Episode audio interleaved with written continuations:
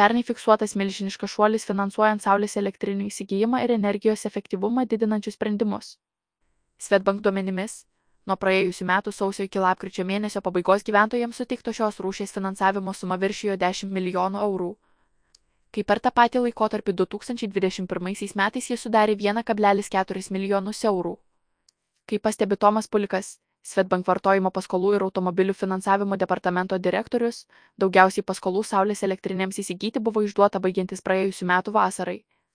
Kai buvo paskirstyta valstybės teikiama parama, išaugusios energinių išteklių kainos gyventojus paskatino dažniau apsvarstyti galimybę investuoti į namų energinio efektyvumo didinimo sprendimus.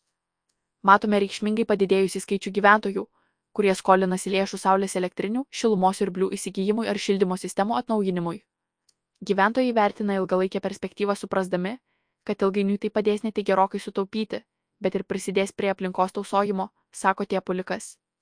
Svetbank duomenys rodo, kad vidutinė paskolos suma, kurią gyventojai skolinasi saulės elektrinį įsirengti, per metus paaugo maždaug ketvirtadaliu. Nuo 6,6 tūkstančių iki 8,2 tūkstančių eurų. Vidutinis tokios paskolos gražinimo laikotarpis taip pat padidėjo nuo 5,8 iki 6,9 metų.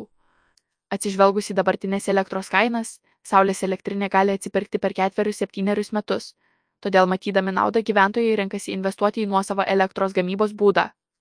Pastebime, kad vis daugiau paskolų saulės elektrinėms suteikiama ne tik Vilniuje, bet ir regionuose - Kauno, Klaipėdos, Šiaulių, Tauragės apskrityse komentuoja Svetbank atstovas. Paskola saulės elektriniai gali finansuoti tiek nuo savos, tiek nutolusios saulės elektrinės į saulės parkų įsigijimą, taip pat šilumos ir blių pavyzdžiui oras oras, oras vanduo, žemė vanduo, vanduo vanduo, elektros energijos kaupiklių įsirengimą. Skaičiuojama, kad pavyzdžiui, įsirengus šilumos ir blį, elektros energijos sąnaudo šildymui gali sumažėti iki penkių kartų.